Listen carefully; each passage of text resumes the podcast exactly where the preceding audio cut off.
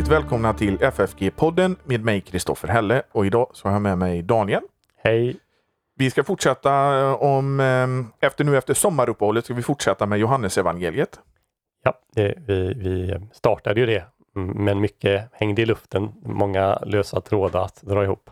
Men eh, vi kanske kan sy ihop några av trådarna idag. Några kanske vi Ja. försöker med idag. Mm. Men är det så att man vill ge ett bidrag så kan man göra det till församlingsfakultetens och poddens arbete. Mm. 123 100 8457. Det är swishnumret.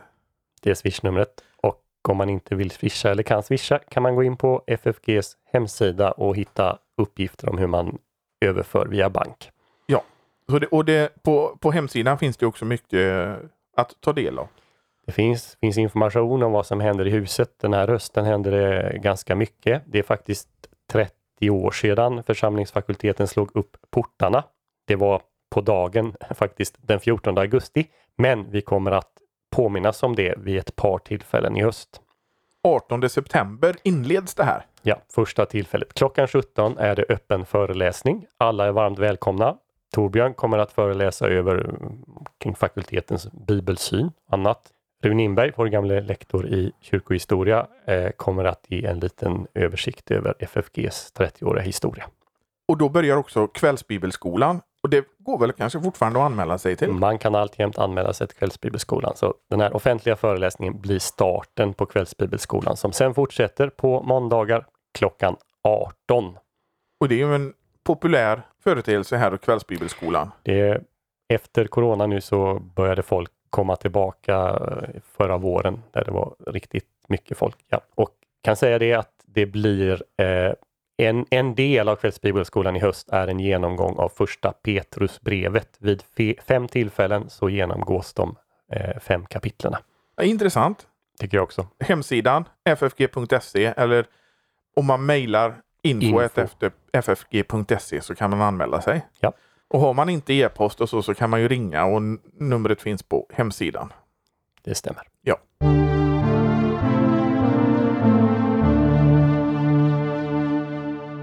Ska vi gå in på Johannes då? Ja. Ja. Vi eh, började ju gör- gjorde ett första avsnitt innan sommaren. Ja. Vi kanske ska börja lite i slutet på det avsnittet och göra en liten recap. Ja, lite grann. Alltså anledningen till att vi tar upp eh, Johannes evangeliet här. Eh, det, det finns flera skäl till det. Eh, ett skäl är att Johannes evangeliet i den, i den exegetiska forskningen, i den kritiska forskningen, så har Johannes varit ganska åsidosatt, i alla fall vad gäller eh, historisk tillförlitlighet. Så att när man i början på 1800-talet började ställa sig frågan, vem var egentligen den Jesus? För man litade inte på kyrkans föreställningar eller, eller proklamation vem Jesus var. Man, kunde, man menar att man kunde inte ta evangeliernas vittnesbörd som trovärdiga sådär utan vidare, utan man måste kritiskt granska dem. Och det som skedde då var att Johannes evangeliet eh, ganska omedelbart lämnades utanför den här forskningen. Johannes evangeliets kristologi är alldeles för hög, det är alldeles för mycket symbolik i evangeliet. Det finns saker menar man som motsäger det som står i de synoptiska och så vidare. Så därför så vad gällde undersökning om vem Jesus verkligen var så användes inte Johannes evangeliet och har ända till våra dagar inte spelat någon större roll i den forskningen.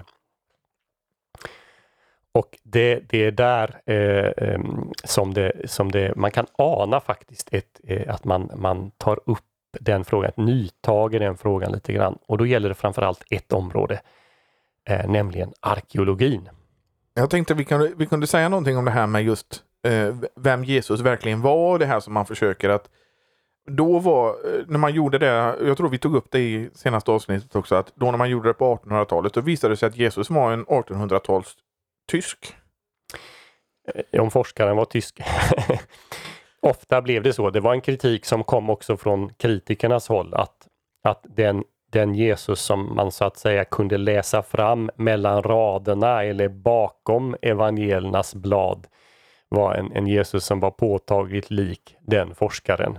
Albert Schweitzer i sin kritik av den här forskningen eh, från början av 1900-talet, 1906 är det väl boken kommer tror jag. han, han tar bilden av, av någon som tittar ner i en brunn och vad ser man där? Jo, djupt där nere så ser man, om man ser något, spegelbilden av sig själv.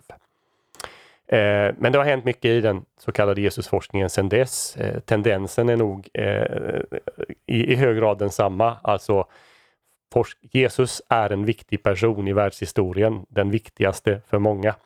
Eh, och då är det viktigt att Jesus representerar ens egna ideal. Och sen kan de idealen se väldigt, väldigt olika ut. Jo, man, man projicerar ju sina, eh, vad ska man säga, sin egen vilja på vem man vill att Jesus ska vara. Om man tittar idag hos många så säger att Jesus är kärlek och Jesus skulle aldrig göra så. Och Jesus var så och Jesus. Men Jesus var ju också ganska så skarp i sin kritik mot människor. Någonting man glömmer idag. Ja, om han nu var det då, skulle någon säga. Alltså det, det kan ju hända att man då menar att äh, men det här är uppdiktat av kyrkan vid senare tillfällen. De berättelserna eh, representerar en, en polemik emot andra från kyrkans sida eller en inomkyrklig diskussion eller någonting sånt. Alltså vi, vi har alla möjliga eh, slags argument och så. Och vissa är mer vetenskapligt grundade än andra. För att till, till exempel om folk från en annan religion ska beskriva sin profet så gör ju de det gärna med väldigt sådana här fina ord och inte så som han beskrivs i den skriften heller, i deras skrift, utan kanske mer som, man, som, som en Jesus-liknande eh, karaktär. Så att man projicerar gärna sina egna tankar om godhet på de här religiösa personerna. Ja. Om vi nu ska försvara det något kan man väl säga att det är väl ett ganska allmängiltigt svenskt eller vill säga allmängiltigt mänskligt fenomen. Alltså man tenderar att de man ser upp till, ens hjältar, tenderar man att, att framställa i, i, i en så god dager som möjligt och man, man eh, utelämnar sämre karaktärsdrag. Och ibland kan det hända att man då träffar sin hjälte eller sin idol, ser hur han eller hon verkligen är, så kanske den där bilden eh, av som man har föreställt sig, den, den liksom löses upp i en dimma och man kan bli rätt besviken. Det är nog många som har upplevt det. Jag tror det. Ibland är det bättre att hålla sådana ideal på avstånd. Ja. Men eh, om vi återgår till, till ja, Johannes. Arkeologi. Ja. Eh, så till att börja med måste vi säga det om arkeologin, eh, att, att vi får inte glömma bort att det är en ganska ny vetenskaplig företeelse överhuvudtaget. Eh, som ju växer fram under 1800-talet. Eh, och med hjälp av arkeologiska upptäckter, mm, både i det som är dagens Israel, eh, i det som är dagens Turkiet, Grekland, eh, andra delar av Mellanöstern, så har mycket av det som beskrivs i Bibeln, Gamla och Nya Testamentet, har, har kunnat bekräftas. Till och med sådant har, eh, som, som tidigare har varit ifrågasatt i kritisk forskning har, har, har många gånger bekräftas genom arkeologiska fynd. Och det gäller också då det som sägs om, om Jesus och, och, och berättas runt omkring i evangelierna. Det börjar på 1800-talet i hög grad och, och det har väl intensifierats allt mer. Vi har fått allt mer sofistikerade hjälpmedel. Alltså tänk bara vad man kan göra med hjälp av vad ska det, ekolod eller, eller, eh, eller satelliter idag. Eh, hur, hur, vi kan ana hur saker och ting ser ut långt nere under marken utan att ens behöva gräva upp. Och eh, man kan säga att det görs, det görs väl arkeologiska fynd idag nästan dagligen. I Israel så så har det arbetet, som jag har förstått det, intensifierats sedan 90-talet. Delvis hänger det samband med att efter Sovjetunionens fall ehm, så var det många judar som emigrerade till Israel och eh, de behövde sättas i arbete. Eh, och därför finns det många, många nya, relativt nya eh, saker som har upptäckts eh, som kastar ljus på det, på, på Bibelns värld. Israel, det finns det ju fullt av saker att gräva ut. Ja, alltså för den som är bibliskt intresserad. Jag menar, man kan väl säga så att det finns väl so fullt med saker att, att gräva ut överallt där det har bott eh, människor eh, som kan vara av intresse.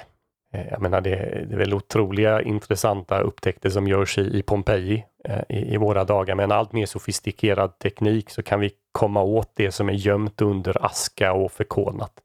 För min del tycker jag det mest spännande där det är ju det bibliotek som finns i Pompeji där, där man nu har utvecklat en teknik så att man kan kunna börja läsa de här eh, böckerna.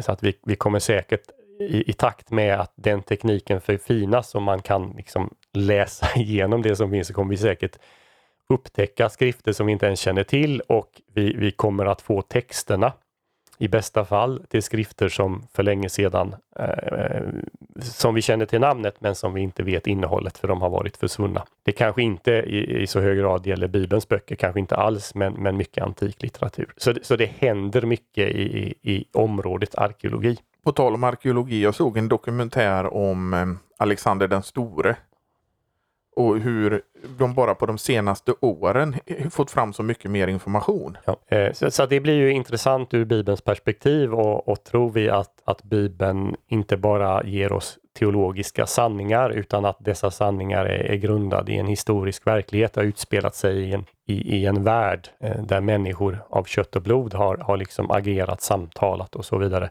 Då har vi också all anledning att, att ta fasta på, på den här, på de upptäckter som görs. Och det är arkeologin eh, som har, har då spelat en, en viktig roll och spelar just nu en viktig roll i Johannesforskningen. Därför att Johannes mer än någon av de andra evangelisterna har eh, ska säga, detaljrika beskrivningar av platt, orter, platser och, och annat. Eh, och många av dem är unika. Jag tror inte vi riktigt tänker på det, men när vi har vår allmänna geografiska kunskap om, om det heliga landet vid Jesu tid, eh, så bygger vi kanske omedvetet i högre utsträckning än vi tror på just Johannes evangeliet. Eh, vi, vi har nog en tendens att väldigt lätt bara eh, läsa ihop alla fyra evangelierna, så tänker vi inte på vad som står i respektive evangelium.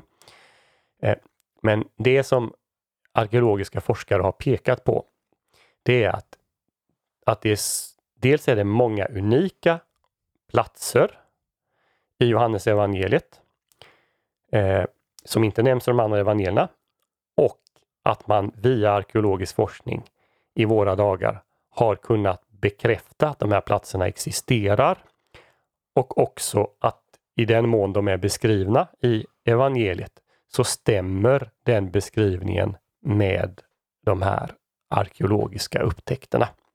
Finns det något särskilt exempel som man kan lyfta fram?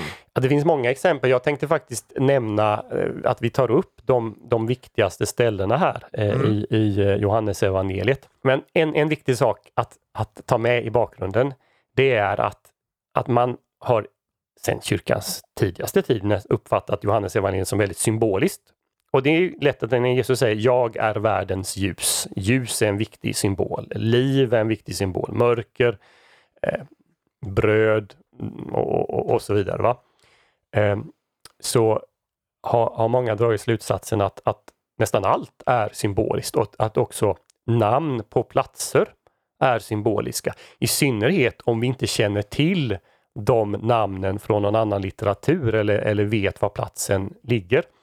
Och, och, Johannes kanske leder oss i den riktningen också för att om vi tar Johannes 9 med den här blinde mannen så ska ju han gå till, eh, till Siloam, till dammen Siloam för att, eh, för att bada när Jesus har, har helat hans ögon. Va? Och då beskriver Johannes att Siloam betyder utsänd. Och utsänd är ett viktigt ord i Johannes evangeliet. Jesus är ju den själv som är den utsände och han sänder ut sina lärjungar. Och då kanske tendensen lig lätt ligger där att det där är bara en symbolisk plats därför att teologiskt passar det i, i den här berättelsen om Jesus hela den blinde mannen. Eh, och så har man då inte vetat var Siloam har legat. Men det som nu har hänt är att de här platserna som kanske inte finns omnämnda någon annanstans och i alla fall vet man inte var de ligger och som man trott då varit enbart symboliska. De har man nu då kunnat hitta. Och eh, e, e, ett annat exempel, en annan namn, eh, det är ju Betestadammen som nämns i kapitel 5. Det är ett klassiskt exempel. De fem pelarna där tänkte man att nej men vilken, vilken damm eller pool har fem pelare? Nej, det måste vara symboliskt, vi har fem Moseböcker. Och så upptäckte man den här platsen på 1800-talet. Var det på 1800-talet man upptäckte ja, Just det upptäckte man redan på 1800-talet. Men sen har den senare arkeologiska eh, forskningen har liksom, är, är, mer förfinad och vi vet mycket mer. Eh, om För om jag minns rätt, när jag, när, när jag läste exegetik, grundkursen, så stod det i kurslitteraturen att som exempel på, på plats som inte fanns. Okej, okay. Jag har för mig att det var det.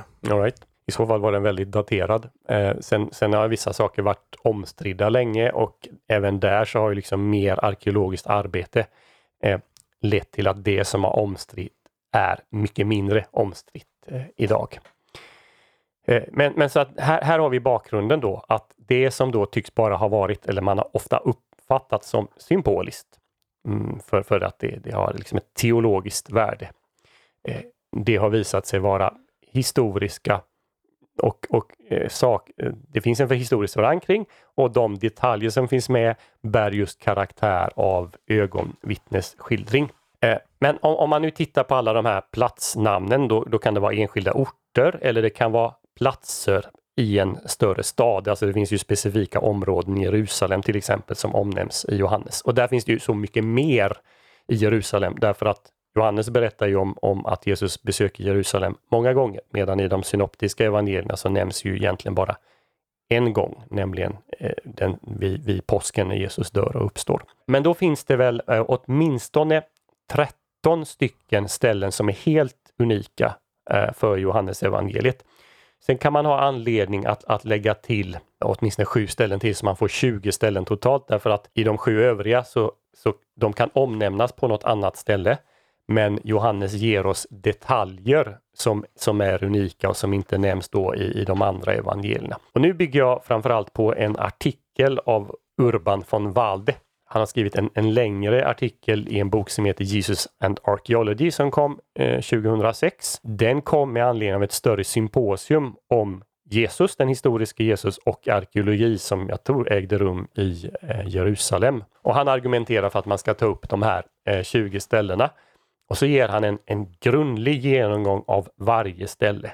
Allt vi vet om den. Och ibland så man, är man inte 100% säker om det är det ena eller andra stället så han väger, ska vi säga, för och emot. Men bara för de, för de som lyssnar tycker jag vi ska, vi ska nämna de här ställena då, de här 20 platserna i Johannes evangeliet och, och så kanske vi, vi, vi diskuterar några av dem lite mer i detalj. Det första? Den första som nämns det är Betania bortom Jordan eller på andra sidan Jordan. Då kommer vi ihåg att det finns ett känt Betania där, där Lazarus och Marta och Maria bodde.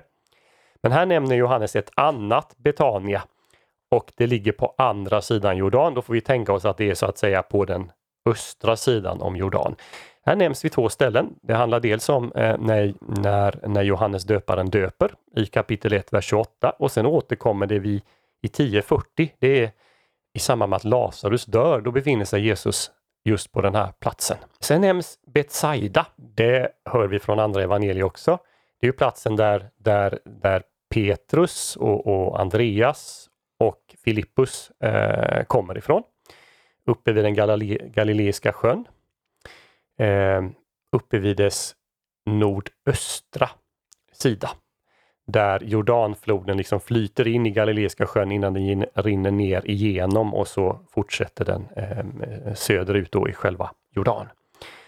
Kana i Galileen, det känner vi inte till från de, från de andra evangelierna. Återkommer flera gånger i det bröllopet i Kana i kapitel 2 men sen så visar det sig också att Natanael är ifrån Kana vilket vi lär i, i kapitel 21 i Johannes evangeliet. Eh, Kapernaum dyker upp i alla evangelierna men, men här har Johannes en del detaljer som inte finns i dem och som har bekräftats eh, i arkeologin. Intressant nog i arkeologin här har man ju, man är ganska säker på att man har hittat Petrus hus. Det är ju, det är ju iögonfallande att, att man kan komma så nära. Många gånger kan vi ju inte hitta, vi vet till exempel inte i vilket hus ägde bröllopet i Kana rum? Det vet vi inte, men vi, vi vet var, var platsen ligger ungefär. Sen femte som brukar nämnas, det är då eh, vilket område i templet var det Jesus gjorde sin tempelrensning. Det berättas ju om det i kapitel 2. Eh, och då är det tydligt att Johannes gör skillnad på det som är själva tempelområdet och det som är liksom själva templet i sin terminologi. Vi vet ju att Herodes den stora han gjorde ju en, en, stor utbyggnad av templet, eller rättare sagt av tempelområdet. va? Och det är från det jättestora tempelområdet det än idag finns eh, lämningar kvar, alltså de stenar som finns kvar vid klagomuren. Det är inte från själva templet utan från tempelområdet. Men där är det väl förbjudet att gräva ut? Um, ja, det där är ju en problematik vad gäller arkeologi. Uh, vad, vad, som sker där då, det, det är inte helt lätt med tanke på Israels regering är intresserad av att gräva ut eh, medan eh, då de som har jurisdiktion över själva tempelområdet där, där moskéerna ligger, det är ju inte Israels regering. Och där har det väl, har jag förstått, skett en del att, att man har gjort, byggt ut, åtminstone någon av moskéerna har grävt rejält och, och det har hamnat ut, utanför den här högen med, med det som är utgrävt och där har det bedrivits en hel del arkeologisk forskning för man har hittat massa eh, lämningar i de här högarna. Nästa eh, plats som nämns som är unik för Johannes, eh, Ainon, nära Salim, står det i kapitel 3, 23. Det är återigen vad, vad Johannes döparen döper av ytterligare ett ställe. Sykar Johannes evangeliet och Jakobs brunn. Jag kan ju nämna Jak Jakobs brunn, det är väldigt speciellt därför att det nämns Johannes använder två olika begrepp. Det ena begreppet är just begreppet för en, en ska vi säga, djupborrad eller en, en grävd brunn. Det andra begreppet han använder är för en rinnande källa. Och båda nämns när han talar om det här. Och, och då har man hittat den här eh, brunnen och det visar sig att den kombinerar båda de här sakerna. Den är grävd men den ansluter just till en rinnande källa. Så här har vi väldigt, väldigt träffsäker information om den brunnen. Som ju, jag menar, har det någon teologisk eller symbolisk betydelse? Nej, kanske inte. Utan det tycks vara bara någon som visste hur det var. Berget Gerissim eh, nämns ju i Johannes evangeliet, det vet vi var det ligger. Eh, det nämns ju också då i kapitel 4. Eh, sen så kommer vi till, och här, då är vi uppe i den tionde, håller du räkningen?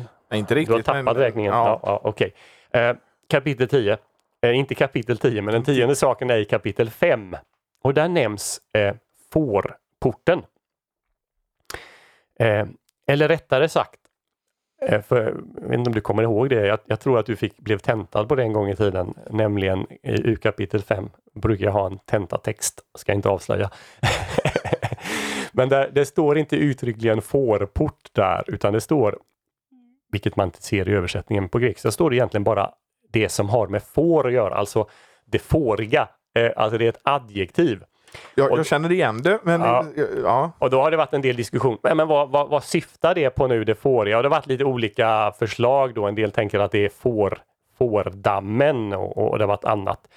Men där har nog arkeologerna har slutit sig till via, via, olika uppgifter att det måste ha och syfta på en, en port som just kallades för fårporten för att fåren fördes in. Jag tror ofta det var får som fördes in för, för att offras i templet. Och det har väl bekräftats av att på det stället där denna, det man har identifierat som en port för fåren, alldeles intill där så har man då hittat just den här Petesta dammen som vi talade om med de här fem pelarna.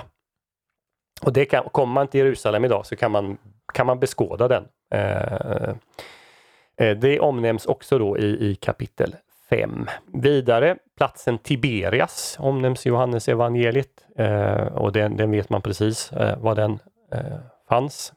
Eh, så då, det var den tolfte saken. Och sen var det nästa damm som vi har talat om, nämligen Silo, Siloamdammen som man då har upptäckt eh, eh i kapitel 9.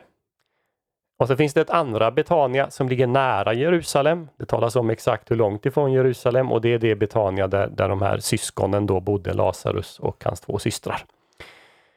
Eh, femtonde stället är ett Efraim som omnämns i, eh, i kapitel 11, vers 54. Hoppar vi sedan lite framåt eh, till kapitel 18 så nämns eh, bäcken Kidron som vi kan sjunga om i en, en fastesalm. Men det är bara Johannes evangeliet som, som nämner den och beskriver den exakt var den ligger. Den ligger liksom där emellan Olivberget och, och Tempelberget. Så man, ska man, är man på Olivberget så passerar man den bäcken när man ska gå till Jerusalem, vilket ju Johannes berättar om. Ehm, kommer vi sen in i Jerusalem så omnämns pretoriet. Och eh, vilket var det, den plats där Pilatus tycks ha bott när han var i Jerusalem. Normalt sett bodde ju Pilatus nere i Caesarea vid havet, men vid större högtider när det var risk för oroligheter och så, så kom han upp. Och då verkar det som han har bott i pretoriet, omnämnt i Johannes evangeliet. Eh, Litostrotos och Litostraten omnämns i kapitel 19 eh, där Jesus blir dömd. Eh, den vet vi också nu var den finns i princip. Golgata, okej, okay, det nämner ju alla evangelierna, men intressanta är att Johannes har en tydligare beskrivning av det. Det här med huvudskalleplatsen har ju hjälpt forskare att hitta, hitta platsen. Och så nämner han ju då den här klippgraven också då i en trädgård i anslutning till väldigt detaljrik beskrivning. Johannes säger att, att eh, Golgata ligger utanför staden och det gjorde det på Jesu tid. Sen så utvidgade man staden Jerusalem så att den delen har kommit, kommit innanför. Så Men Go Golgata ja. har väl varit en sån omstritt, var, var ligger, man vet inte riktigt säger man och så Ja, det har väl varit det, men jag tror att forskningen generellt sett är ganska så eh, övertygad om att, att det är den här traditionella platsen. Inte minst Johannes beskrivning är, är, en, är en hjälp där. Så då har vi 20 platser och sen, nu, nu hinner vi liksom inte i detalj eh, gå igenom beskrivningarna av det. Den som är intresserad får gärna leta upp eh, Valdes artikel eller, vilket ger, är, är givande i dem. Gå in på Wikipedia. Många av de här platserna är beskrivna där och där, där finns också alternativa teorier för det finns det ibland. Det finns ofta någon som utmanar för det. Man kan ha tyckt hitta något på en, på en annan plats relativt i närheten. Det är inte alltid lätt när man ska gräva. Det finns ju också de som har en annan åsikt just för att hävda sig själva också. I, ibland finns det det. Men, men det, av de här 20 platserna nu så kan vi säga att 16 stycken av de här vet vi med säkerhet vad de är. Och att säga det i historiska sammanhang är ganska högt anspråk. Två av de här vet vi med, med väldigt nära precision vad de är. Det är bara två stycken här som, som är osäkra. Vilka är de två? Och de två, dels är det det här Betania på andra sidan Jordan. Därför att det finns ett, ett förslag som ligger ganska långt söderut, eh, inte så långt norr om Qumran eller, eller ja, norr om där Döda havet börjar. Och det andra förslaget det är att det ligger nästan uppe vid Genesarets sjö, alltså mycket längre norrut, båda sidor om, om Jordan. Och då kan man diskutera fram och tillbaka. Det som i mitt tycke talar för den norra platsen, det är att det stämmer väldigt väl med hur lång tid det tar att vandra därifrån till Betania nära Jerusalem.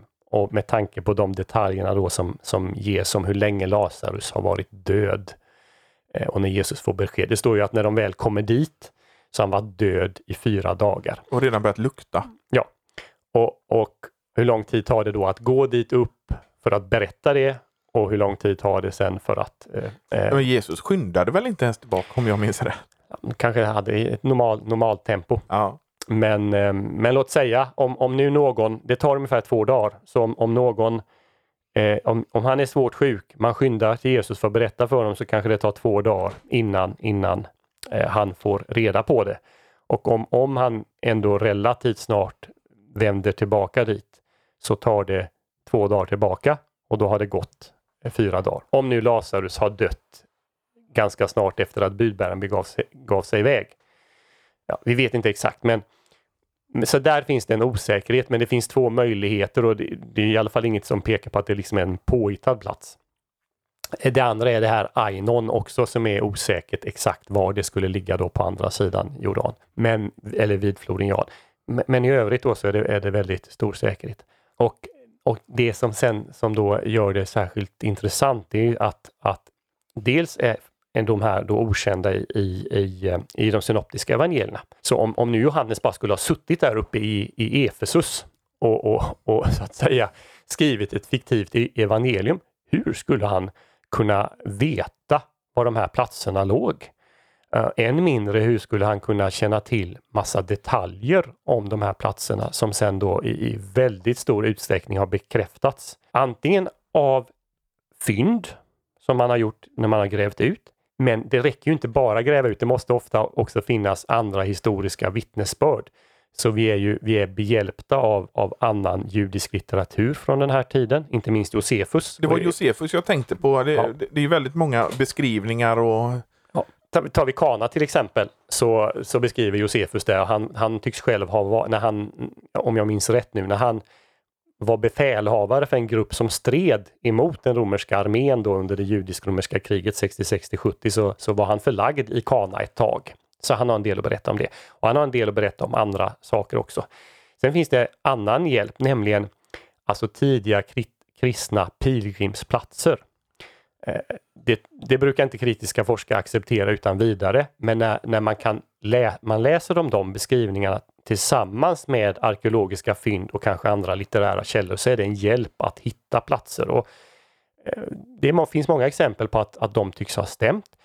Och det är också ganska naturligt för att det kan ju ha funnits en muntlig tradition som går tillbaks till de första lärjungarna eller de som gick med Jesus och där man då i generation efter generation har fört det vidare och så när, när kristna pilgrimer börjar komma dit då på i, ja, bli, börjar bli vanligt i början på 300-talet så, så har en del minnen av, av en del av de här platserna. Så det, det är väl de tre, tre källorna. Dels konkret vad vi fysiskt hittar idag, historiska vittnesbörd, inte minst från Josefus och också kristna pilgrimsplatser. De anspråk som Josefus även gjorde har väl varit eh, ifrågasatta också av forskare? Ja, i, ibland av dem, men, men Eh, det är de och i, problemet är kanske snarast ibland att man utan vidare accepterar allt Josefus säger och om det skiljer sig från evangelierna så är det alltid Josefus som har den, den rätta versionen. Idag ska jag nog säga att det är mer balanserad diskussion av det också. Men även där, när, när han berättar om saker han själv har varit med om, platser han har varit med om, så, så kan de flesta utgå från att det ändå är tillförlitligt. Det handlar mer om om, om han liksom gör överdrifter eller om han talar om sånt som har skett före hans tid där det, det finns mer ifrågasättanden. Men jag tycker ju att eh, av beskrivningarna i Johannesevangeliet så är det tydligt att det är en person som har lokalkännedom. Ja, och det, det är den eh, slutsatsen nu som von Walde drar. Alltså, det är så eh, e-, exakt många gånger, utifrån vad vi kan veta nu då, ja, ska komma ihåg att vi gräver 2000 år senare, men det, det är så exakt beskrivet att, det är omöjligt att det kan vara fiktivt eller att någon som har funnits där på avstånd. Det, det måste vara ett ögonvittne. Nu ska vi inte tala om det idag, det får bli vid nästa tillfälle. Det finns många andra aspekter på det här med ögonvittnesskildring. Eh, eh, men, men just att, att de här små detaljerna faktiskt är, är, är exakta beskrivna. Det pekar på att det måste vara ögonvittnesskildring kring det här menar han. Ta bara det här att när, när han beskriver Kana och det här är i slutet av, av kapitel 4. För då kommer det ju en, en officer från, eller tjänare, nej förlåt, officeren är det, som kommer från Kapernaum till Kana. Och då sägs det om honom att han går upp till Kana respektive gå ner. Och det är helt riktigt, Kana ligger högre än Kapernaum. Man måste gå ner från Kana till Kapernaum. Och det, det, kan vi säga då, det är tydligt i grekiskan oftast att man använder de här uttrycken på katabaino och anabaino, att man går upp och ner. Det, det, är det, alltså det ingår i, i verbet. Eh, och eh, återigen, om man inte finns på plats så har man ingen aning om eh, att man går upp eller man går ner. Men den som själv har gått vägen vet ju mycket väl att det kan vara ganska tungt att gå från Kapernaum upp till, till Kana och ganska skönt när man ska gå tillbaka. Eh, och där finns det också avståndsbeskrivningar. Eh, eh alltså man, mm, när han möter de här tjänarna på vägen tillbaka då och de talar om när han har blivit frisk så, så stämmer det med avståndet mellan Kana och, och Galileen. Och mycket annat sådant eh, finns det.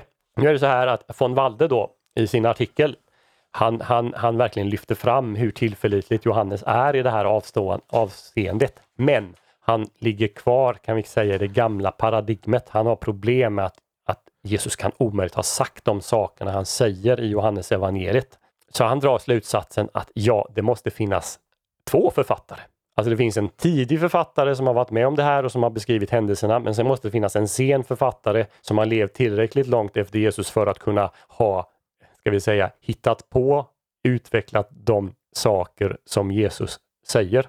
Och sen hur han har fått ihop de här, att hur, hur, hur den här berättelsen har vävts ihop, det beskriver inte Valde, men, men han menar det kan inte vara ett arbete av en enda författare. Oavsett vad vi tycker om det och, och, och, och det ska vi tala mer om, så är det ändå intressant att han drar den här slutsatsen. När vi kommer till geografiska, topografiska, detaljerade beskrivningar av platser så är Johannes evangeliet väldigt, väldigt tillförlitligt utifrån vad vi kan veta eh, med hjälp av arkeologin. Men den här Valde, vad, vad, vad är han för någonting egentligen? Om man...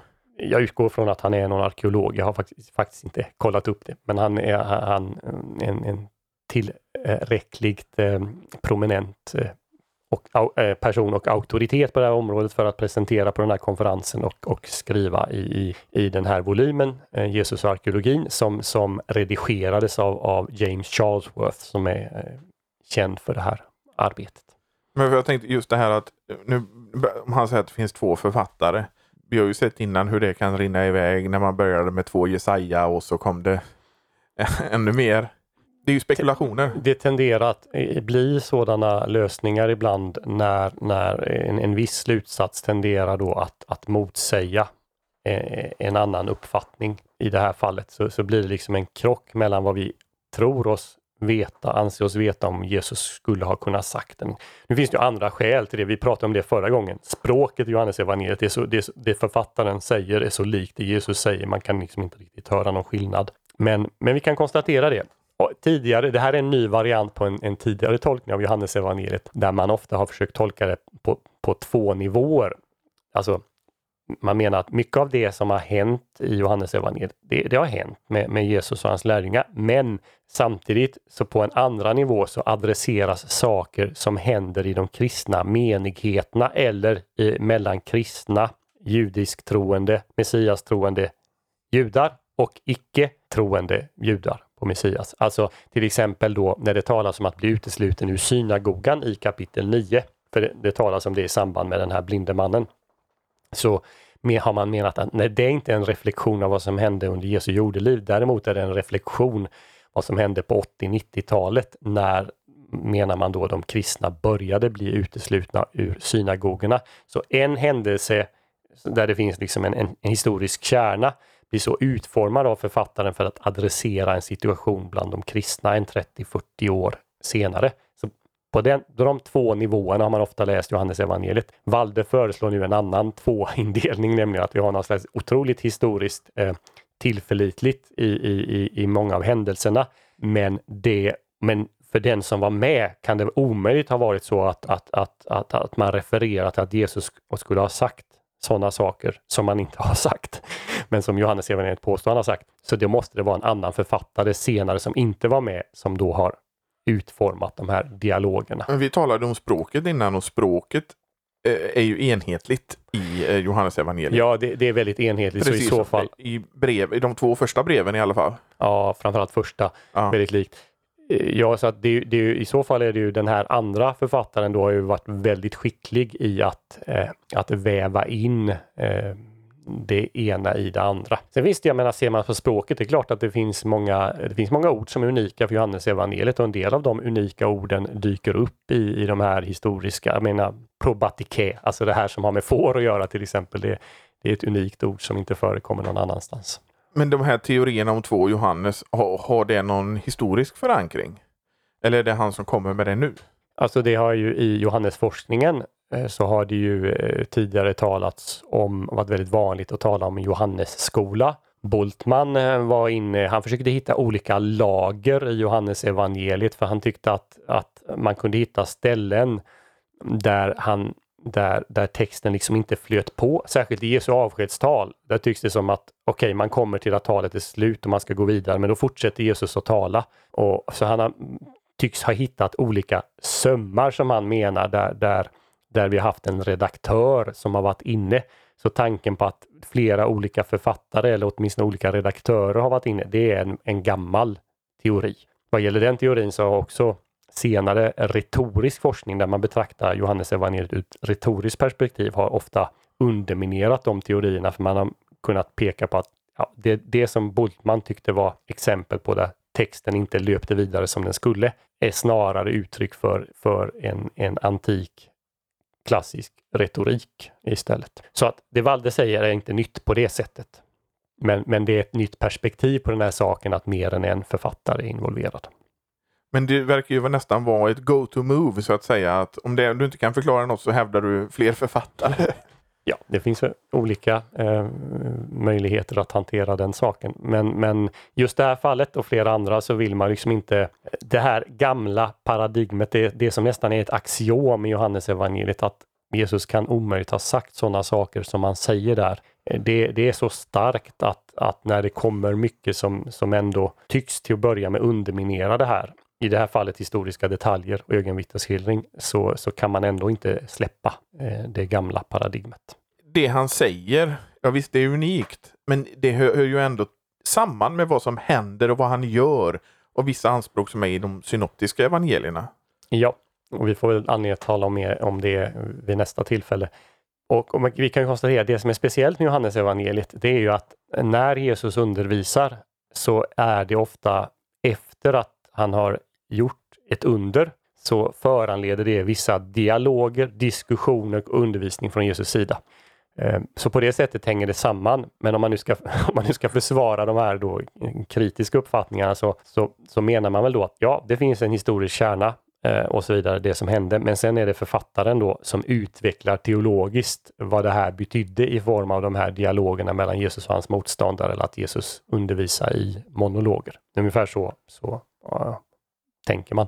Men om man tittar på de här arkeologiska fynden så, så säger du att det kommer nytt hela tiden? Ja, och eh, jag menar om jag skulle ha förberett mig 100 procent i den här samtalet vi har haft så borde jag ha satt mig ner och läst igenom eh, de här eh, tidskrifterna och annat vad som har hänt under de senare åren. Det finns nog en hel del som har, ett och annat i alla fall, som säkert är uppdaterat sedan den här, just den här genomgången då trycktes 2006. Och, och läser man Archaeological Review eller, eller någonting annat så dyker det upp små saker hela tiden som man upptäckt. Sen kanske inte alltid har med Johannes evangeliet att göra, det kan lika gärna ha med Gamla testamentet eh, eller andra eh, aspekter i evangelierna.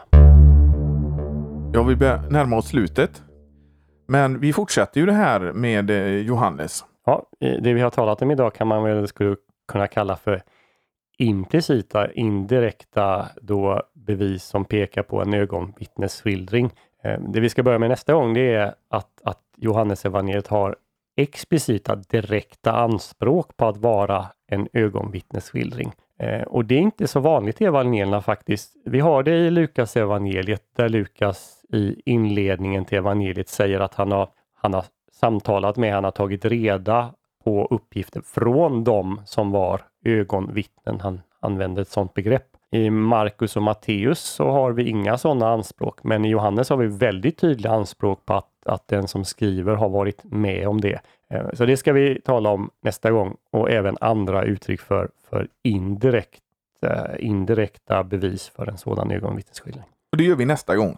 Nästa tillfälle. Ja.